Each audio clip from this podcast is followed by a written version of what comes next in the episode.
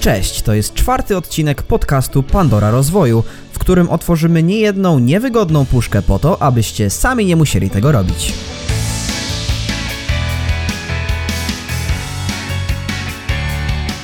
Dzisiaj porozmawiamy o tym, z jakich technik motywacyjnych warto korzystać. Czy ruch hasyl z garem wina czele ma sens oraz dlaczego Dawid Świstek tańczy podczas odkurzania.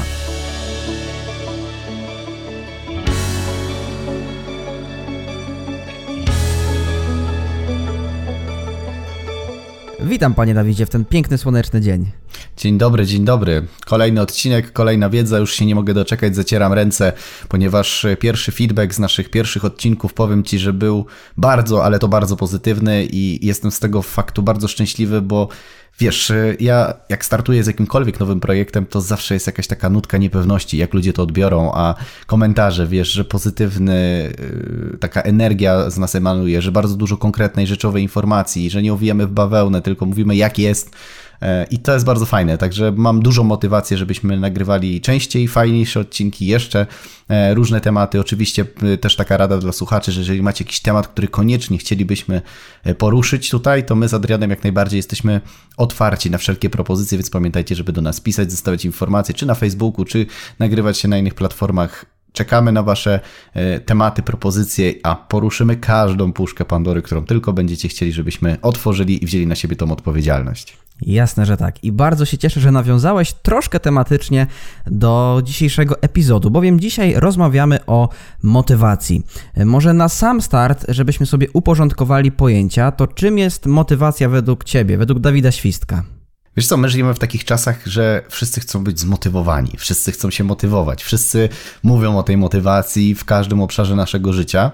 E, natomiast y, ja mam takie bardzo specyficzne podejście, mniej książkowe i mniej takie, jak to się mówi, rozwojowe podejście do motywacji, ponieważ ja na, zrozumiałem, czym tak naprawdę motywacja jest. Motywacja to jest pewnego rodzaju stan gotowości do podjęcia jakiegoś określonego działania. Czyli mamy jakiś motyw i za tym idzie akcja. Czyli jeżeli chcę iść biegać, no to muszę mieć określony stan u siebie, który sprawia, że ja chcę iść biegać. I wielu ludziom wydaje się, że motywacja to jest coś takiego, co przychodzi i odchodzi. Że motywacja to jest coś takiego, że, mm, że ja muszę się w jakiś sposób stymulować, muszę, nie wiem, włączyć muzykę, poskakać, wtedy się zmotywuję, albo pojechać na event rozwojowy i wtedy będę zmotywowany i w ogóle super. A ja mam bardzo takie techniczne podejście do motywacji, zresztą mam też techniczne podejście do pewności siebie, poczucia własnej wartości. Jestem daleki od takiego wkładania w iluzję pewnych, e, że tak powiem, definicji takich e, miękkich, ponieważ ja jestem praktykiem ja wszystko chciałem jakoś zdefiniować, jakoś nazwać, e, sprawdzić, od czego to zależy. I kiedyś, kiedy byłem taki bardzo wkręcony właśnie w rozwój osobisty, to wydawało mi się, że właśnie muszę kroki, wiesz, mocno skakać, pobudzać się, ale to było bardzo krótkotrwałe i zauważyłem, że to nie była motywacja, a chwilowy high, bo według mnie motywacja to jest stan gotowości, który nie jest taki tylko chwilowy ale on się, że tak powiem, pojawia i on jest za każdym razem, kiedy tą czynność chcę wykonywać. Tak jak na przykład nagrywamy ten podcast, ja nie musiałem przed tym podcastem, nie wiem, wykonywać jakiejś turbo czynności, żeby się motywować, żeby go nagrywać. A jestem zmotywowany, bo mam stan gotowości i wykonuję określoną akcję, żeby nagrywać ten podcast. I teraz, jeżeli mnie pewnie zapytasz, a mam taką nadzieję, jak się motywować, to na pewno ci na to odpowiem. Okej. Okay. No właśnie chciałem zapytać się ciebie, w jaki sposób się motywujesz i jakich technik używasz, ale z tego co przed chwilą usłyszałem, no to ta motywacja jest ogólnym stanem, który jest albo go nie ma, tak? Dokładnie tak. I teraz ja ci powiem, y, jaka jest prosta recepta na to, żeby nie musieć się motywować, a żeby być zmotywowanym. To jest najpiękniejsza rzecz, jeżeli to zrozumiesz i ja stosuję to we wszystkich możliwych kontekstach. W kwestii gotowania, sprzątania jestem takim facetem, który e, nie, nie jest takim typowym facetem pasującym do takiego, jak ja to mówię, sztandarowego mm, jakiegoś tam opisu, tak? Bo ja potrafię zrobić wszystko w domu, ja gotuję, sprzątam, wychodzę z psem, e, wiesz, e, robię zakupy, o wielu rzeczach pamiętam, a mówi się, że mężczyźni to wiesz, to, to różnie z tym bywa, więc ja nie mam z tym większego problemu, chociaż nigdy tak nie było, że robiłem wszystko z wielką ochotą. I dopiero w momencie, kiedy właśnie uświadomiłem sobie, na czym polega motywacja, to te rzeczy, które kiedyś musiałem się do nich zmuszać, dzisiaj robię je po prostu automatycznie i nie muszę się motywować, a i tak mam ten stan gotowości do podjęcia tego działania, ponieważ motywacja opiera się tak naprawdę na dwóch fundamentach, dwóch kluczowych elementach: na formie i na treści. Czyli innymi słowy, jeżeli ja na przykład mam robić wystąpienie publiczne i lubię występować publicznie, to forma, czyli występowanie jest na plus. W momencie, w którym mówię o czymś, co mnie interesuje na wystąpieniach publicznych, to treść jest na plus. Jeżeli mam dwa plusy, to ja nie muszę się do tego motywować, żeby to zrobić, bo i jedno i drugie jest super. Jeżeli lubię uprawiać sport i lubię grać w piłkę, no to sport jako aktywność fizyczna na formę jest plus. I na plus jest y, treść, czyli że gram z kolegami w piłkę, jest na plus i nie muszę się do tego zmuszać. Ale co w sytuacji, w której mam zrobić wykład na temat na przykład Excela? Do tego musiałbym się zmusić. Dlaczego? Dlatego, bo forma, czyli występowanie byłoby na plus, ale treść, czyli to, o czym miałbym mówić, byłoby na minus i już mając jeden minus, już musiałbym się bardzo do tego, że tak powiem, przekonywać, zmuszać, szukać argumentów i tak dalej. A jak są dwa minusy, to już w ogóle musimy się do wszystkiego zmuszać. I ja na przykład mam coś takiego i zdradzę tu słuchaczom, że kiedy sprzątam w mieszkaniu, to dla mnie sprzątanie jako treść, że ma być czysto w domu, bo to trzeba zdefiniować, jest dla mnie na plus. Ja wiem, że lubię czystość, ale forma, czyli sprzątanie, była dla mnie na minus, więc musiałem ten minus zamienić w plus, żeby nie musieć się do tego zmuszać. I za każdym razem, kiedy sprzątam, uruchamiam sobie właśnie muzykę pozytywną i ja tańczę z odkurzaczem, który trzymam w ręce. Może to wyglądać dla jednych abstrakcyjnie, ale dla mnie jest to pewna forma zabawy. Ja sobie po prostu wtedy tańczę, a jednocześnie sprzątam. I taka forma była dla mnie ciekawa, a jednocześnie treść była na plus. Ja się nie muszę do tego zmuszać. I to jest według mnie bardzo istotne, że w kwestiach, nie wiem, nawet uprawiania sportu często ludzie nie, nie ćwiczę na siłowni, bo nie lubię chodzić na siłownię ale treść, on wie, że na przykład chce zadbać o zdrowie, ale forma widocznie dla niego nie jest atrakcyjna, więc może on powinien ćwiczyć w domu, bo ta forma jest dla niego lepsza. Ja na przykład mam tak z czytaniem książek, że lubię czytać książki psychologiczne, takie biznesowe, sprzedażowe, różne, takie, które mnie interesują, ale nie czytam w domu, bo forma czytania w domu jest dla mnie po prostu nieatrakcyjna. Kojarzy mi się z jakimś wykonywaniem jakiegoś obowiązku, z lekcjami, z czymś takim i lubię czytać w podróży. Kiedy jadę pociągiem, kiedy lecę samolotem, kiedy jestem w jakimś ładnym, przestronnym miejscu, gdzieś na dworze, y, jak jest lato, gdzieś nad jeziorem, wtedy lubię czytać i mogę czytać setki książek, ale w domu nie czytam i się do tego nie zmuszam, bo bo wiem, że to nie jest moja forma. I teraz znalezienie sobie odpowiedniej formy i odpowiedniej treści pozwala zrobić tak tą daną czynność, daną rzecz, że ona jest dla ciebie interesująca i wtedy nie musisz się motywować, bo ten stan po prostu sam z siebie się pojawia. Też mam wrażenie, że e, jeśli chodzi o sprzątanie na przykład i tańczenie z odkurzaczem niczym Freddie Mercury w jednym z teledysków, e, no to w tym przypadku wykorzystujesz e, technikę warunkowania, czyli puszczasz muzykę i do tego po prostu się nakręcasz. Znaczy, wiesz, to bardziej chodzi o to, co ja lubię robić, bo mógłbym, e, wiesz, e, włączyć dowolną muzykę i to nie ma znaczenia, jaka leci. Natomiast ja zauważyłem, że kiedy tańczę, to lubię, po prostu lubię sobie tańczyć. Ja chodziłem przez wiele lat do szkoły muzycznej, grałem na gitarze przez wiele lat. Gdzieś ta muzyka jest u mnie taka naturalnie blisko. Lubię oglądać programy typu The Voice of Poland i tak dalej, i tak dalej. I zauważyłem, że właśnie jeżeli w czynności, która nie do końca jest dla mnie fajna, włączę element muzyki, to wtedy czuję się z tym lepiej.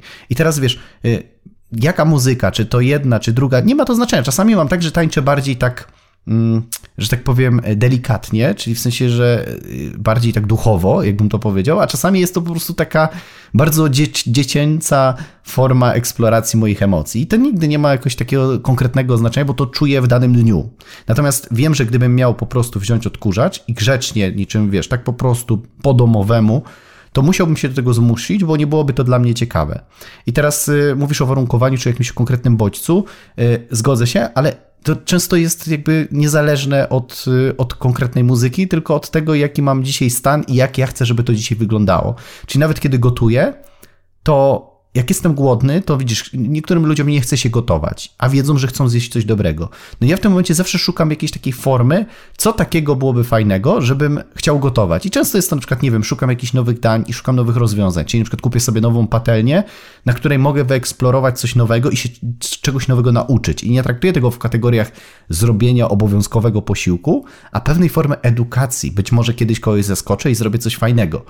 I, I, to jest dla mnie taki stymulant na przykład do gotowania. Więc y, zawsze szukam, gdzie jest plus, a gdzie jest minus. Jak mam dwa minusy, to jest, to jest coś źle, bardzo źle. Zawsze chcę mieć dwa plusy w czynnościach, które robię, bo wtedy nie muszę się do tego zmuszać. Czyli tu ponownie wracamy tak jakby do tematyki odcinka pierwszego, w którym mówiliśmy o marce osobistej i o pracy na przekonaniach. Tu jest troszkę podobnie, bo te przekonania mimo wszystko muszą być konkretnie ułożone w głowie. Wówczas ta technika z formą i treścią i z dwoma plusami będzie uniwersalna dla każdego słuchacza. Dokładnie tak. I tu naprawdę nie trzeba czytać setki książek, żeby się zmotywować.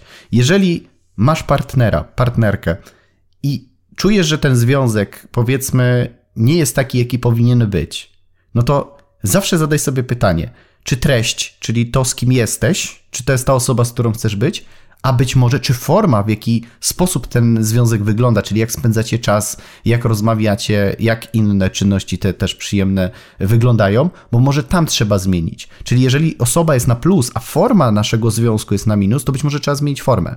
A jeżeli się nie da zmienić, no to odpowiedzmy sobie już dalej, co powinniśmy zrobić. Mhm. Też pamiętam, że w trzecim odcinku naszego podcastu, podcastu Pandora Rozwoju, powiedziałeś taką super rzecz, e, a mianowicie, że. Mm, Czasem nie można myśleć o medytacjach, o mindfulness, o morsowaniu, o wychodzeniu poza swoją strefę komfortu, tylko trzeba się skupić na zarabianiu pieniędzy. No bo kiedy mamy te pieniądze, to one stanowią nam konkretny zasób, są one zasobem i ten zasób możemy dowolnie wykorzystywać. No i jeśli chodzi o psychologię, bo tak się niestety zdarzyło, że mam wykształcenie psychologiczne, to pamiętam jak wykładowcy nas uczyli, że pieniądze nie są nigdy dobrym motywatorem, bo one nas nie motywują. Ja się z tym nigdy nie zgadzałem, bo ja miałem bardziej takie twoje podejście, ale to jest właśnie pytanie też do ciebie. Ja zdaję sobie sprawę, w jaki sposób możesz odpowiedzieć, ale gwoli ścisłości je zadam. Czy pieniądze są wystarczającym motywatorem i czy są dobrym motywatorem, szczególnie dla przedsiębiorców? Odpowiem e, tak bardzo wymownie, to zależy. E, generalnie uważam, że pieniądze są dobrym motywatorem, jeżeli dobrze na nie patrzymy. Niektórzy ludzie traktują pieniądze jako formę nie wiem, jakiegoś bóstwa. Dla mnie pieniądze, już wielokrotnie to podkreślałem, są pewnym narzędziem. To pieniądze mają mnie się, mnie się słuchać, a nie ja pieniędzy. E, I ja traktuję pieniądze jako pewną że tak powiem, przepustkę do realizacji rzeczy, na których bez pieniędzy nigdy bym sobie nie mógł pozwolić. I, I, oczywiście znam takie osoby, które żyją bez pieniędzy, są takie osoby na świecie, które nigdy nie, tam przez rok czy dwa nie wydały nawet grosza ze swoich pieniędzy. Ale umówmy się szczerze, że to są takie jakieś bardzo skrajne przypadki i generalnie do życia, żeby zadbać o swoje zdrowie, czy o suplementy, czy o lepsze jedzenie, e, czy o jakiś sport, czy zatrudnienie jakiegoś specjalisty w jakiejś dziedzinie, to wszystko wymaga jednak pieniędzy i uważam, że te pieniądze są istotne. Natomiast w kwestii już samej motywacji, czyli tego, jak pracować z ludźmi, bo, bo mogą nas słuchać ludzie, którzy mają swoją firmę, mają zespoły sprzedażowe, mogą być ludzie, którzy budują e, swoje zespoły takie e, nawet do realizacji jakichś projektów, e, albo po prostu oni sami szukają u siebie tej motywacji, to generalnie jest sześć takich elementów, które mogą motywować nas do podjęcia jakiegoś określonego działania. I jednym z tych elementów są godne pieniądze. I dla jednych ludzi rzeczywiście zarobienie określonych pieniędzy będzie odpowiednim stymulantem do tego, żeby podjął jakieś mm, konkretne działanie. Dla innych będzie takie przebicie i usunięcie takiej rutyny. Niektóre osoby na przykład są w pracy i już są znudzone, bo cały czas jest to samo i w momencie, w którym przebijemy się i damy coś nowego, coś innego, coś, co sprawi, że ta osoba poczuje się, że robi coś e, wartościowego i nie jest to takie szablonowe, jak robiła, no to w tym momencie ją to bardziej zmotywuje niż godne pieniądze, bo na przykład może zarabiać naprawdę bardzo fajne pieniądze, ale ta rutyna powoduje, że niestety, ale brakuje jej tej chęci, tego, tego stanu, o którym mówiliśmy wcześniej. Innym motywatorem może być potrzeba takiego prestiżu. Są osoby, które niekoniecznie muszą zarabiać bardzo dużo pieniędzy, niekoniecznie chodzi im o rutynę, bo, bo robią coś, ale chcą, żeby to, co robią, e, to, co ewentualnie kupują, e, żeby to było prestiżowe, żeby to było jakieś takie unikalne, takie wyjątkowe, żeby to miało taką namiastkę takiego superbohatera. Bardzo często o tym wspominam, że ja zawsze, kiedy sprzedaję nawet swoje szkolenia, to wiem, że ludzie, którzy potrzebują prestiżu, trzeba im powiedzieć, że po tym szkoleniu dostaną jakąś taką magiczną umiejętność, że staną się coś wyjątkowi. I wtedy oni czują, że rzeczywiście ten prestiż w jakimś stopniu jest. E, I to jest taki też jeden motywator, który jest już jest trzeci.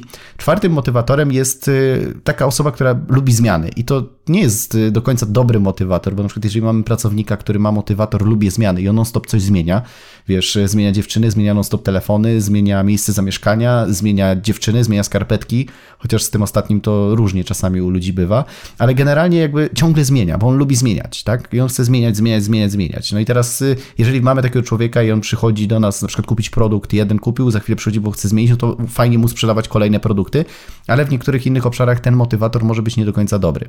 Jest pięknym motywatorem, kolejnym, to jest tak zwana wielka wizja, czyli jest to taki motywator, który powoduje, że ktoś się podłączy i nawet często za darmo zrobi coś dla kogoś, jeżeli za tym będzie szła jakaś wielka wizja. Zresztą zobacz, Wielka Orkiestra Świątecznej Pomocy, ludzie są w stanie wyjść na ulicę, biegać z puszkami, e, czy Szlachetna Paczka, czy inne takie ten, to, to jest wielka wizja. Tam jest po prostu puszczony, w, wiesz, w chmurę jakiś pomysł i ludzie się pod to podłączają i nie chcą za to pieniędzy, a robią to i są do tego zmotywowani. Tak samo często w naszej pracy, jeżeli masz pracownika e, i teraz w ogóle to jest fajne, że ty jesteś u mnie zatrudniony i ja ci mówię, jak mógłbym cię motywować i teraz też będziesz wiedział, czy to robię i czy wyłapywałem twoje odpowiednie motywatory, bo też cię słuchałem, w jaki sposób ty chciałbyś e, pracować, co jest dla ciebie ważne, bo, bo jednak zależy mi na tym, żebyś ze mną pozostał, bo, bo jestem bardzo zadowolony i wielokrotnie to podkreślałem.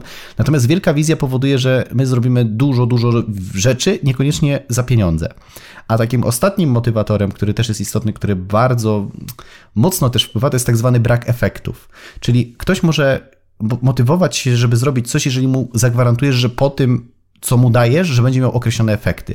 I teraz zwróć uwagę, że te motywatory tak naprawdę sprawdzają się we wszystkich możliwych kontekstach, bo jeżeli mamy y, związek, to jest taki bardzo y, przykład, w którym ludzie mogą sobie uzmysłowić, jak to jest mega praktyczne do wykorzystania, a przy okazji w związkach każdy kiedyś był i będzie i, i, i jest w stanie to zrozumieć. Ja na szkoleniach bardzo często wchodzę w tematy relacji, bo, bo to najfajniej ludzie rozumują jako analogię.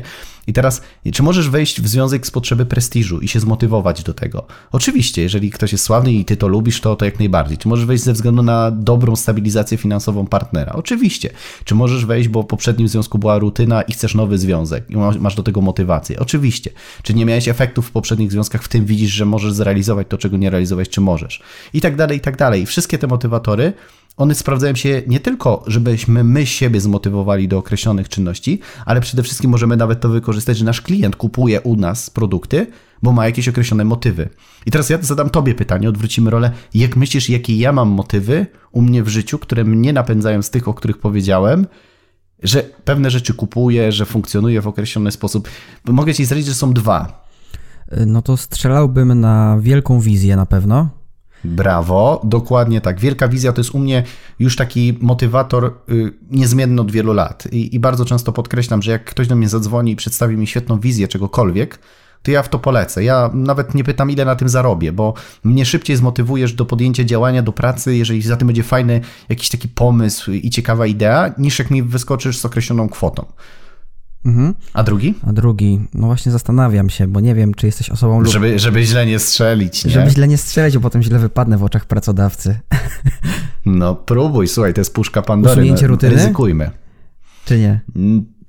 Nie, u mnie to jest y, potrzeba prestiżu. A, no w sensie drugi strzał. Nie traktowałbym tego w takich nie, nie, traktowałbym tego w takich kategoriach próżności, że wiesz, że ja muszę mieć wszystko najdroższe, najfajniejsze i w ogóle, ale zależy mi na tym i pewnie też już jak znamy się już trochę miesięcy, pewnie zauważyć, że ja lubię, żeby to coś było takie wyjątkowe, unikalne, żeby to miało jakość, żeby to nie było takie proste, takie oczywiste, takie, mm, takie normalne. Wiesz, ja lubię rzeczy y, być potraktowane w sposób taki szczególny, zapamiętane. I na przykład podam tu przykład jednej z takiej marki odzieżowej, do której chodzę, e, gdzie kupuję koszule, e, marynarki, e, bo tam robią jedną rzecz. Kiedy ja kupuję, to oni pakują to do tej reklamówki i w momencie, w którym kończą, oni biorą tą reklamówkę i z nią wychodzą za ladę i wręczają mi tę rzecz za ladą, nie przez ladę, za, za ladą i życzą mi, żeby mi się dobrze nosiło. Ja ten moment uwielbiam. Jest to takie niby proste, takie, wiesz, oczywiste, ale ja się wtedy czuję wyjątkowo. Czuję się doceniony, że ktoś mi daje mój zakup, za który kupiłem, e, tak, w taki inny sposób niż normalnie w Biedronce po prostu, wiesz, rzucasz tam. Nie? A możesz zdradzić, co jest za firma? Kupiłeś. To jest Wistula. A, Wistula. To jest Wistula i Wistula. I na przykład w Bytomiu tego nie robią, a mają jakościowo bardzo podobne produkty i często nawet można znaleźć taką podobną koszulę za 50 zł taniej, ale ja wolę zapłacić 50 zł za to, że ktoś zrobi ten gest, bo ja się czuję wtedy rzeczywiście wyjątkowo. A to jest też to samo, o czym mówiłeś y, w poprzednim odcinku, czyli o tym zaufaniu, które się buduje, y, jeśli tak. się buduje... I pewnej przewidywalności. Ja nawet zdradzę mhm. sekret, że jest wiele elementów, które wpływają na zaufanie, bo o tym nie mówiliśmy dokładnie, jak pracować z zaufaniem. Myślę, że to jest ciekawy odcinek, który moglibyśmy zrobić w ogóle, jak budować zaufanie, na co zwracać uwagę. I jednym z elementów budujących zaufanie jest takie słowo, które brzmi przewidywalność. I teraz, jeżeli ktoś słucha naszego podcastu, to on ma pewne elementy stałe.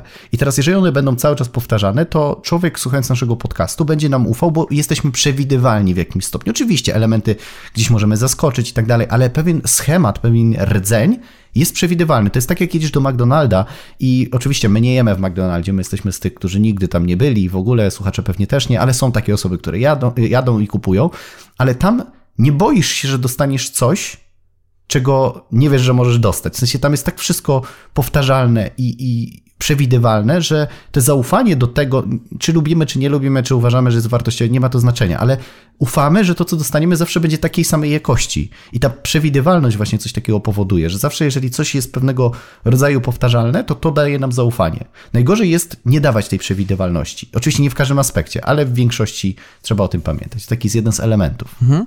To też jeszcze raz może podkreślę, jest sześć elementów. Godne pieniądze, usunięcie rutyny, potrzeba prestiżu, yy, lubienie zmian, wielka wizja i brak efektu. Bo to też można odnieść na płaszczyznę biznesową, sobie rozrysować to ładnie w Excelu i co ja oferuję moim klientom, czego nie oferuję i co chciałbym oferować. Można takie trzy różne. I kiedy opowiadasz o swoich produktach, to warto wrzucić wszystkie elementy. Czyli po moim, jeżeli byłeś na szkoleniach z wystąpień publicznych i nie nauczyłeś się występować publicznie, to przyjdź właśnie do mnie, to zobaczysz w jak krótkim czasie i w jak szybki sposób potrafię pokazać Ci, jak te wystąpienia mogą być praktyczne, bo ja nie mówię o wystąpieniach, a uczę praktyki. Przede wszystkim uczę w taki sposób, że jak będziesz wchodził na scenę, to będziesz czuł się wyjątkowy, będziesz czuł swoją autentyczność, będziesz czuł, że słuchacze, którzy gdzieś są z Twojej strony, będą czuli od ciebie tą po prostu wyjątkową energię. I oczywiście, ja mam świadomość, że te wystąpienia często są takie, wiesz, takie normalne, sztampowe, takie rutynowe, ale właśnie ja ucząc ludzi pokazuję, jak się wybijać, jak robić takie rzeczy, których wcześniej nie robiłeś, takie, które będą dla ciebie ciekawe, a przy okazji, które będą konwertowały na sprzedaż, bo nie wiem, czy wiesz, ale wystąpienia publiczne potrafią generować naprawdę bardzo, bardzo dużo pieniędzy. I teraz mógłbym, wiesz, tak opowiadać i opowiadać i zobacz, że w tych kilku zdaniach, kiedy opowiadam o wystąpieniach publicznych, używam wszystkich motywatorów. Mhm. I to jest właśnie przykład, jak w sprzedaży możesz te motywatory wy, e, wykorzystywać, bo twój słuchacz, odbiorca, on nigdy nie wiesz tak do końca, jeżeli go nie znasz, nie miałeś okazji, albo masz publiczność, gdzie jest dużo osób, no to nie będzie strzelał w jeden, ale co do zasady, generalnie używamy różnych motywatorów, bo z różnych powodów ktoś może do ciebie przyjść i mieć motywację do zakupu, albo motywację do wykonania jakiejś czynności. No jasne.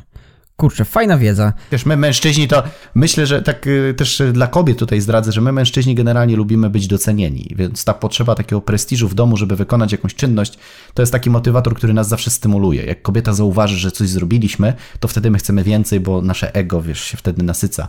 Y, I, i zawsze kobiety są zdziwione, że, że jak mówię, doceń faceta, kiedy coś zrobi, to będzie robił to częściej. A to ona, przecież to jest jego obowiązek. No właśnie, jeżeli tak będziesz mówić, to nie będzie tego robił, bo się będzie buntował.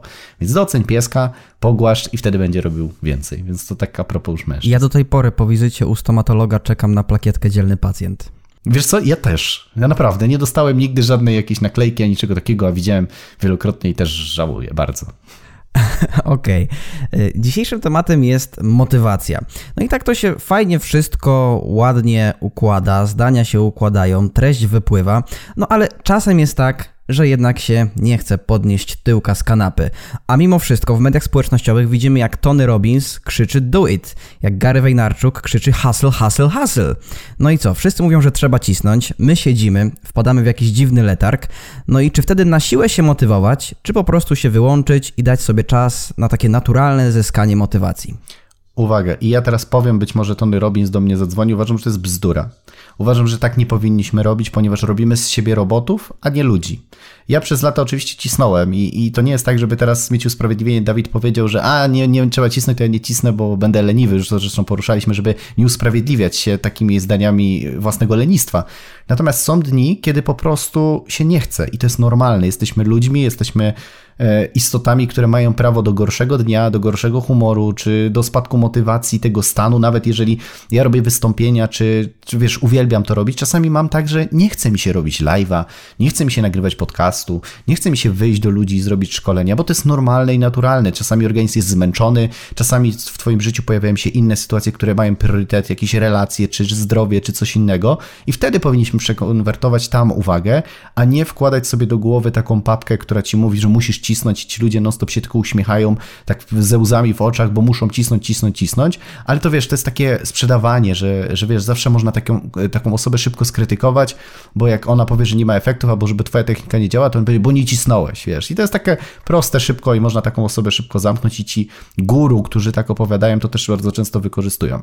Ja uważam i moje zdanie jest takie, oczywiście z mojego subiektywnego doświadczenia i też obserwując moich klientów, że najlepszy jest balans, czyli oczywiście motywujemy się w taki sposób, że forma i treść jest dla nas atrakcyjna, pracujemy ile się da, wyciskamy, że tak powiem, z naszego produktywnego czasu, kiedy już pracujemy tyle, ile rzeczywiście możemy, ale mamy prawo do tego, żeby mieć gorszy dzień, mamy prawo do tego, żeby sobie odpocząć i czasami poleżeć w łóżku i powiedzieć, nie, nie będę robił. Bo potem niestety, ale to jest krok od depresji, od takiego stanu, który niestety, ale mm, ja u siebie zauważyłem na, w pewnym momencie kariery, że siedziałem, była niedziela, pojechałem, nie wiem, na obiad do rodziców i nagle okazało się, że ja mam do siebie pretensje o to, że ja odpoczywam. Rozumiesz? I to jest według mnie już bardzo zły objaw. Jeżeli coś takiego masz, to sugerowałbym nad tym pracować, bo to jest niebezpieczne, bo w tym momencie może się tak zakorkować, że nie wyjdziesz z tej pracy nigdy. Będziesz całe życie po prostu pracował i nie będziesz sobie pozwalał regenerować się, a to jest mega istotne w kontekście tak naprawdę każdego obszaru naszego życia. Więc y, warto cisnąć, ale z umiarem, czyli wiedzieć, kiedy odpocząć. To jest tak jak piłkarz, który gra wiele meczów i ciśnie, ciśnie, ciśnie, ale czasami warto usiąść na ławce rezerwowej i chwilę odpocząć, nie zagrać jednego meczu, nie strzelić tej bramki, ale żeby mieć takie poczucie, że rzeczywiście mieliśmy czas na wszystkie inne rzeczy, bo pamiętajmy, że życie to nie tylko biznes, to nie tylko pieniądze, ale też relacje, duchowość, pasje, edukacja, wiele innych rzeczy, które wpływają, że jesteśmy szczęśliwi. Samymi pieniędzmi, oczywiście one są istotne, ale samymi pieniędzmi nie będziemy szczęśliwi. To, co przed chwilą powiedziałeś, bardzo mocno rezonuje ze mną w ogóle, bo jak y, wspomniałem też wcześniej w naszych prywatnych rozmowach niejednokrotnie, że ja byłem bardzo mocno zafiksowany na rozwoju osobistym i pamiętam, że śledziłem różnych tych coachów, różnych guru i zdawałem sobie sprawę z tego, że tak się też tworzy wizerunek w sieci, no bo też w tym internecie troszkę rzeczy tworzyłem, ale doszło do tego, że pracowałem po 18 godzin dziennie i skończyło się to terapią, psycho, psychoterapią konkretnie. No i wiesz, to w ogóle dla mnie nie było korzystne i słuchałem tych wypowiedzi, które mówiły o tym, że Elon Musk pracuje 80 godzin tygodniowo. To sobie z drugiej strony pomyślałem, czy gra jest warta świeczki? Wiesz co, ja y, y, nie będę takich osób, wiesz, krytykował, bo jeżeli on jest szczęśliwy i rzeczywiście on się tak spełnia, to niech on sobie pracuje, bo być może naprawdę jego życie jest tak ułożone, że wszystko, co robi, jest powiązane z pracą, rodzina, dom, wiesz, wszystko i on po prostu tym żyje. To jest jego jakby wolna wola. Natomiast jeżeli ja miałbym doradzać innym ludziom, żeby to ludzie sami u siebie zweryfikowali, a nie brali to jako pewnik, że tak właśnie musi być. Pamiętaj, ile jest takich e, masków na świecie? No jeden. To jest, wiesz, y, dokładnie, więc, więc to też y, weźmy pod uwagę, że na świecie jest miliardy ludzi, a nie każdy pracuje tyle, ile on, a też nie warto wszystkiego modelować, co ktoś robi, bo to jest specyficzna sytuacja, specyficzny kraj, osoba, jego zaangażowanie, mindset, jest wiele rzeczy, na które e, my tutaj nie mamy jakby zero-jedynkowo wpływu. I ja bym jednak przestrzegał przed tym, żeby tak robić, bo y, to jest jeden krok od wypalenia. Ja wiem po sobie, że czasami mam takie dni, że potrafię, i zna, znasz mnie, jest jakaś akcja, i wiesz, ja potrafię y, pracować, pracować, pracować.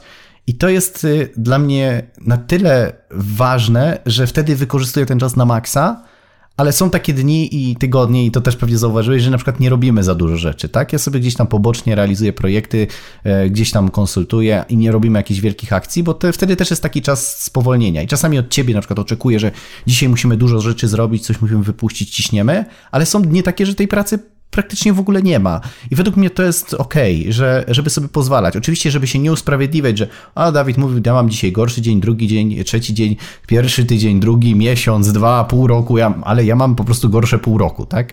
Chodzi o to, żeby jednak troszeczkę gdzieś tam popatrzeć na tą skalę, ale pamiętać o tym, żeby się nie fiksować w ten sposób, że, że ciśnij, ciśnij, ciśnij, że jak ci się nie chce, to musisz to zrobić. Też słyszałem takie zdanie, mm, nie zawsze musisz. Pamiętajmy, jesteśmy wolnymi ludźmi i, i dajmy sobie prawo do y, zdrowe, zdrowia psychicznego, bo naprawdę w dzisiejszych czasach poziom, y, ile ludzi choruje na depresję, to pewnie też wiesz, jakie, jakie są trendy.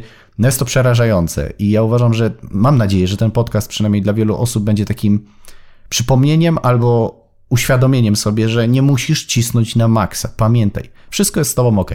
No i chciałbym, żeby ten wniosek bardzo mocno tutaj wybrzmiał. Jeszcze nie na zakończenie, bo jeszcze mamy kilka pytań.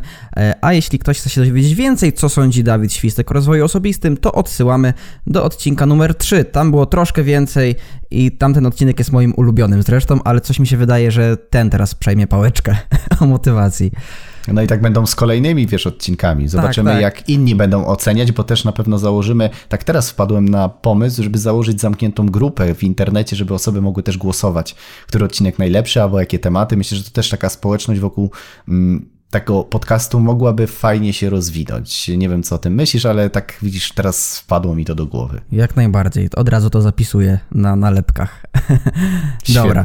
I mamy kolejny temat. Jeśli chodzi o motywację, to nie można przejść obojętnie obok prokrastynacji, czyli w wielkim skrócie e, odkładanie rzeczy na później, bowiem stało się to mm, swego czasu bardzo popularne, bardzo modne, że mówi się o tym, że ktoś prokrastynuje. Najczęściej to było wśród środowisku studenckim, przynajmniej kiedy ja byłem studentem.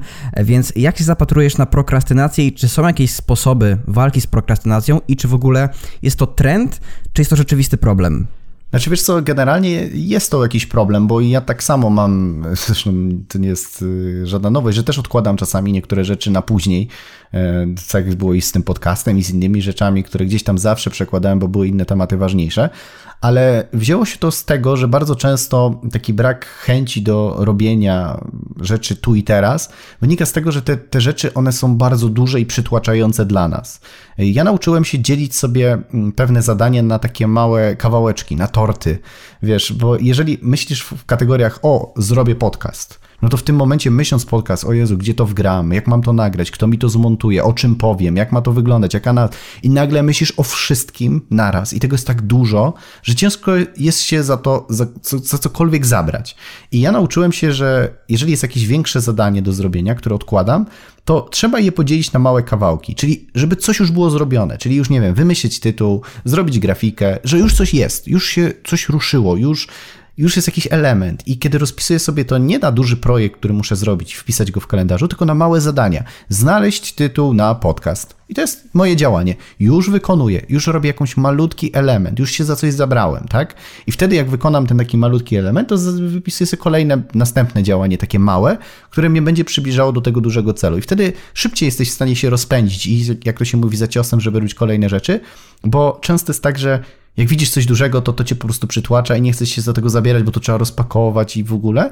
A te małe rzeczy są takie bardzo przyjemne i lekkie do skonsumowania. Zresztą gdybyś miał zjeść całego torta naraz, to byś go nie zjadł, a jak sobie podzielisz go na malutkie kawałeczki, podzielisz go w czasie, to spokojnie ten tort gdzieś tam z wielką przyjemnością zjemy. Więc ja uważam, że prokrastynacja bierze się właśnie z tego, że często my sobie nie dzielimy tych części na mniejsze, i skupiamy się na wielkich działaniach, które są bardzo rozbudowane, zamiast podzielić sobie je na jakieś malutkie etapy i sukcesywnie sobie robić. Czyli na przykład jak chcemy biegać, to nie od razu kilometr, tylko najpierw kupmy sobie buty i dres i wyjdźmy w ogóle dookoła bloku się przespacerować. Zrób to, a następny krok będzie troszkę większy. No jasne, bo dojście do celu jest cały czas, pamiętajmy o tym, że jest procesem i ten proces składa się z małych kroków i te małe kroki prowadzą do wielkiego finału, wielkiego boom. A na sam koniec chciałbym chyba zadać pytanie, które może być troszkę kontrowersyjne z tego względu, że też w środowisku rozwoju osobistego ma ono znaczy, czy to pytanie, ten termin, który zaraz powiem, ma swoich zwolenników i przeciwników, a mianowicie chodzi mi o wizualizację. Czy wizualizacja jest skutecznym sposobem na motywowanie się? Czyli jeśli ustawię sobie na tapecie Mercedesa S-klasę, to czy on będzie mnie motywował na takiej zasadzie, czy, czy to raczej nie działa i jak, co w ogóle sądzisz o wizualizacji? Znaczy wiesz co, ja uważam, że Wizualizacja to jest piękne narzędzie, jeżeli jest w odpowiedni sposób stosowane. E, nie wiem, czy, czy wiesz, ale często jest tak wkładane do głowy ludziom, że myśl pozytywnie o czymś, co chcesz i będziesz to przyciągał. Prawo, wiesz, przyciągania, tak? Mhm. I według mnie w tym jest, jest trochę prawdy, bo jeżeli na czymś się fokusujesz, o czymś myślisz, to widzisz to więcej po prostu o tym w rzeczywistości. Natomiast co do zasady, jest tak, że jeżeli nie wykonasz działania, to nic za tym nie pójdzie. I nie wiem, czy pamiętasz, ale był taki film, y, książka też Sekret. I wiele ludzi po przeczytaniu tej książki od razu to ja będę siedział w domu, pomyślę o Mercedesie i nagle za oknem ten Mercedes się zjawi, albo pomyślę o wielkich pieniądzach i nagle dostanę przelew, wiesz. Y, I w taki sposób niestety ludzie sobie robią krzywdę, bo tylko marzą, ale za tym nie ma konkretnych działań, nie? Czyli jest samo marzenie, sama wizualizacja, a ja jestem zdania, że wizu wizualizacja ma być tylko takim elementem urzeczywistnienia w swoich myślach tego, co może się wydarzyć, ale potem z tych, y, tej wizji trzeba wejść, jak to mówić, do rzeczywistości i robić kolejne kroki, które będą nas napędzać. Mózg działa w taki sposób, że rzeczywiście, jak coś sobie poczujesz i zwizualizujesz, że to ma miejsce, to mózg nie wie, że to jest fikcja, nie wie, że to jest y, coś, co nie istniało, emocje jakby są rzeczą, która jest w tu i teraz, a wszystkie myśli są w wirtuolandii, tak? I teraz jakbyś wyobraził sobie na ręce cytrynę i że masz ją przeciętą i wkładasz ją do ust i ściskasz, to mózg zacznie produkować, śnianki zaczną produkować ślinę, bo mózg nie wie, że tej cytryny nie ma, jeżeli sobie ją potrafisz wyobrazić. I tak samo działa wizualizacja, że ja bardzo często przed wystąpieniami stosuję wizualizację w takim sensie, że wychodzę na scenę i wyobrażam sobie, jak to wystąpienie ma wyglądać, wyglądać. Wtedy też się czuję bezpieczniej, wtedy też wiem, jak to ma wyglądać. E, też e, na, mnie to tak stymuluje bardzo pozytywnie, bo, bo widzę, jak to może mieć taki efekt finalny, ale potem siadam i przygotowuję tą prezentację. Normalnie, tak? Ona musi mieć jakiś układ, jakiś, wiesz, treści, wszystko w odpowiedni sposób, bo to nie jest tak, że ja sobie wyobrażę świetne wystąpienie, wejdę na scenę i to się wszystko samo w głowie zrobi, no nie? I często mało kto w właśnie o tym... przypadku to pewność siebie buduje też, tak? Dokładnie tak, dokładnie tak. Ale wiesz, y, w przypadku takich motywatorów y, do, do życia, można oczywiście sobie wrzucić tego Mercedesa na tapetę, ale też czasem rozpisać, ja muszę kroki wykonać, żeby rzeczywiście ten Mercedes się pojawił w moim życiu, nie? Mhm. Jest taka fajna książka pani Gabriel Ottingen, to jest pani chyba z Niemiec, y, psycholożka, która napisała o metodzie łup, metodzie osiągania sukcesów i ona w ogóle na temat wizualizacji zrobiła setki badań, o ile, o ile nie tysiące. No i tam tak fajnie opisywała badania, że wizualizacja nas bardzo rozleniwia, bowiem my widząc już efekt finalny, nie chcemy widzieć tego procesu, bo wiemy, że ten proces jest trudny, y, więc y, samej tej, samej tej wizualizacji czerpiemy korzyści, ale tylko na płaszczyźnie teraźniejszej, czyli tu i teraz jest fajnie, bo sobie wyobrażam tego Mercedesa, no ale mimo wszystko dojście do niego jest za trudne, więc najczęściej ludzie, którzy sobie wizualizują coś, no po prostu już nie podejmują konkretnych kroków, e, żeby dojść do celu. No wiesz, jak najbardziej się z tą zgadzam i powiem Ci, że niestety, ale widzę w internecie, na Facebooku, w różnych miejscach osoby, które non-stop wrzucają swoje mapy marzeń, inne rzeczy, tylko że ja widzę, że ci ludzie rzeczywiście żyją cały czas w tej iluzji, że to się dzieje i, i cieszą się tym, że w ogóle marzą, a nie tym, co... Mhm. według mnie większą radością powinno być to, jak dochodzisz do tego właśnie miejsca, w sensie ten cały proces i to zmaganie się z tymi trudnościami. Nie wiem, może ja jestem jakiś inny, e, możesz, możesz mnie naprowadzić, ale według mnie ja, ja się po prostu prostu cieszę tym procesem, a nie samym celem. Sam cel jest tylko takim już potwierdzeniem tego, że dobrze, mam to, fajnie, tak? Ale ja się bardzo cieszę z tego procesu. Na przykład, wiesz, mam wizualizację, że na tym podcaście będzie, wiesz, dziesiątki, setki tysięcy ludzi, którzy będą nas słuchać, się inspirować, pisać komentarze, będą się angażować, ale mnie bardziej podnieca, to jest dobre słowo, ten proces, kiedy my to teraz tworzymy. Bo samo to, jak już to osiągnę, to potem to jest takie, jak już masz coś zrobione, to potem no i co dalej, nie? I ja cały czas chcę coś więcej, to co mówiłem na poprzednim podcaście, czyli być nienasyconym, czyli nie zadowalać się jedną wizualizacją, mieć, zrobić i, i koniec, tylko cały czas szukać nowych procesów. Bo to jest fajne, bo wtedy się uczysz siebie, doświadczasz, motywujesz i, i to życie wtedy jest ciekawe. Mhm. Też chyba takim felernym przykładem e, wizualizacji są postanowienia noworoczne. Przecież tyle osób się zarzeka w mediach społecznościowych, że schudnie, a tu klapa w grudniu. Nie, to szczególnie na siłowniach widać. Dobrze, że w tym roku siłownie są zamknięte, to przynajmniej nie ma takiego wstydu. Oj, to lepiej tak nie mów, bo się narazisz przedsiębiorcom. Ale wiesz, ja dzisiaj mówiłem, że niektórzy chcą ćwiczyć na siłowni, niektórzy ćwiczą w domu, także wiesz, nie wykluczam, że akurat ktoś trenuje i w tym momencie, kiedy my nagrywamy tego pośladka, jakiś, jakiś e, pośladka, co ja chciałem powiedzieć? Chciałem powiedzieć, że w tym momencie, kiedy nagrywamy ten odcinek podcastu, jakaś kobieta właśnie robi pośladki, to chciałem powiedzieć. A, widzisz, tak chciałeś powiedzieć. Ale nie wycinaj, Taka... niech to będzie takie naturalne. Dobra.